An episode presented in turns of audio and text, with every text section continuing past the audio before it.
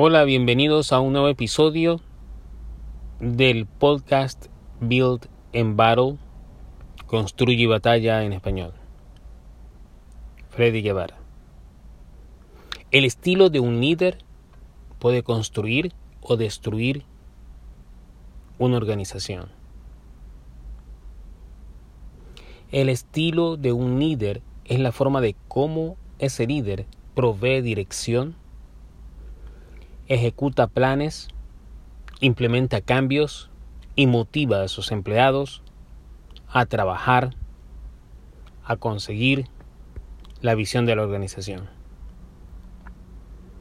Uno de los estudios que demuestran que el estilo de liderazgo es importante es el estudio realizado por Daniel Coleman y su equipo, donde revelan que el estilo del liderazgo es responsable del 30% de ganancias de la compañía.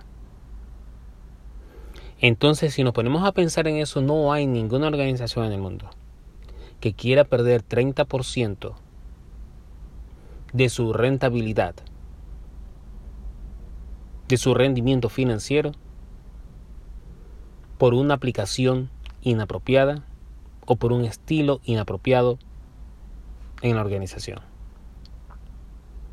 Hay diferentes estilos de liderazgo. Tenemos el estilo de liderazgo autoritario, participativo, el laissez-faire, el estilo coach, el estilo situacional, muchos estilos de liderazgo.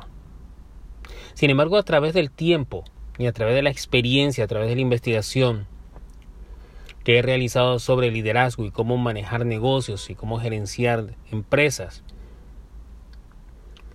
he llegado a la conclusión de que no hay un estilo correcto, pero sí hay estilos apropiados e inapropiados dependiendo del contexto de la organización y de las necesidades de los equipos que trabajan en esa organización. Pero sí hay un estilo al que yo llamo construye y batalla. Construir batalla está basado en que tú tienes que construir equipos de trabajo, construir sistemas, construir una visión, construir una organización para poder alcanzar tus objetivos. Construir una estructura organizacional que te permita alcanzar esos objetivos.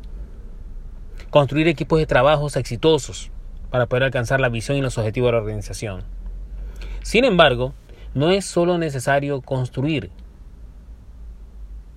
porque en tu camino vas a encontrar batallas, conflictos, oposición, problemas. Entonces tú tienes que construir, pero al mismo tiempo tienes que batallar y pelear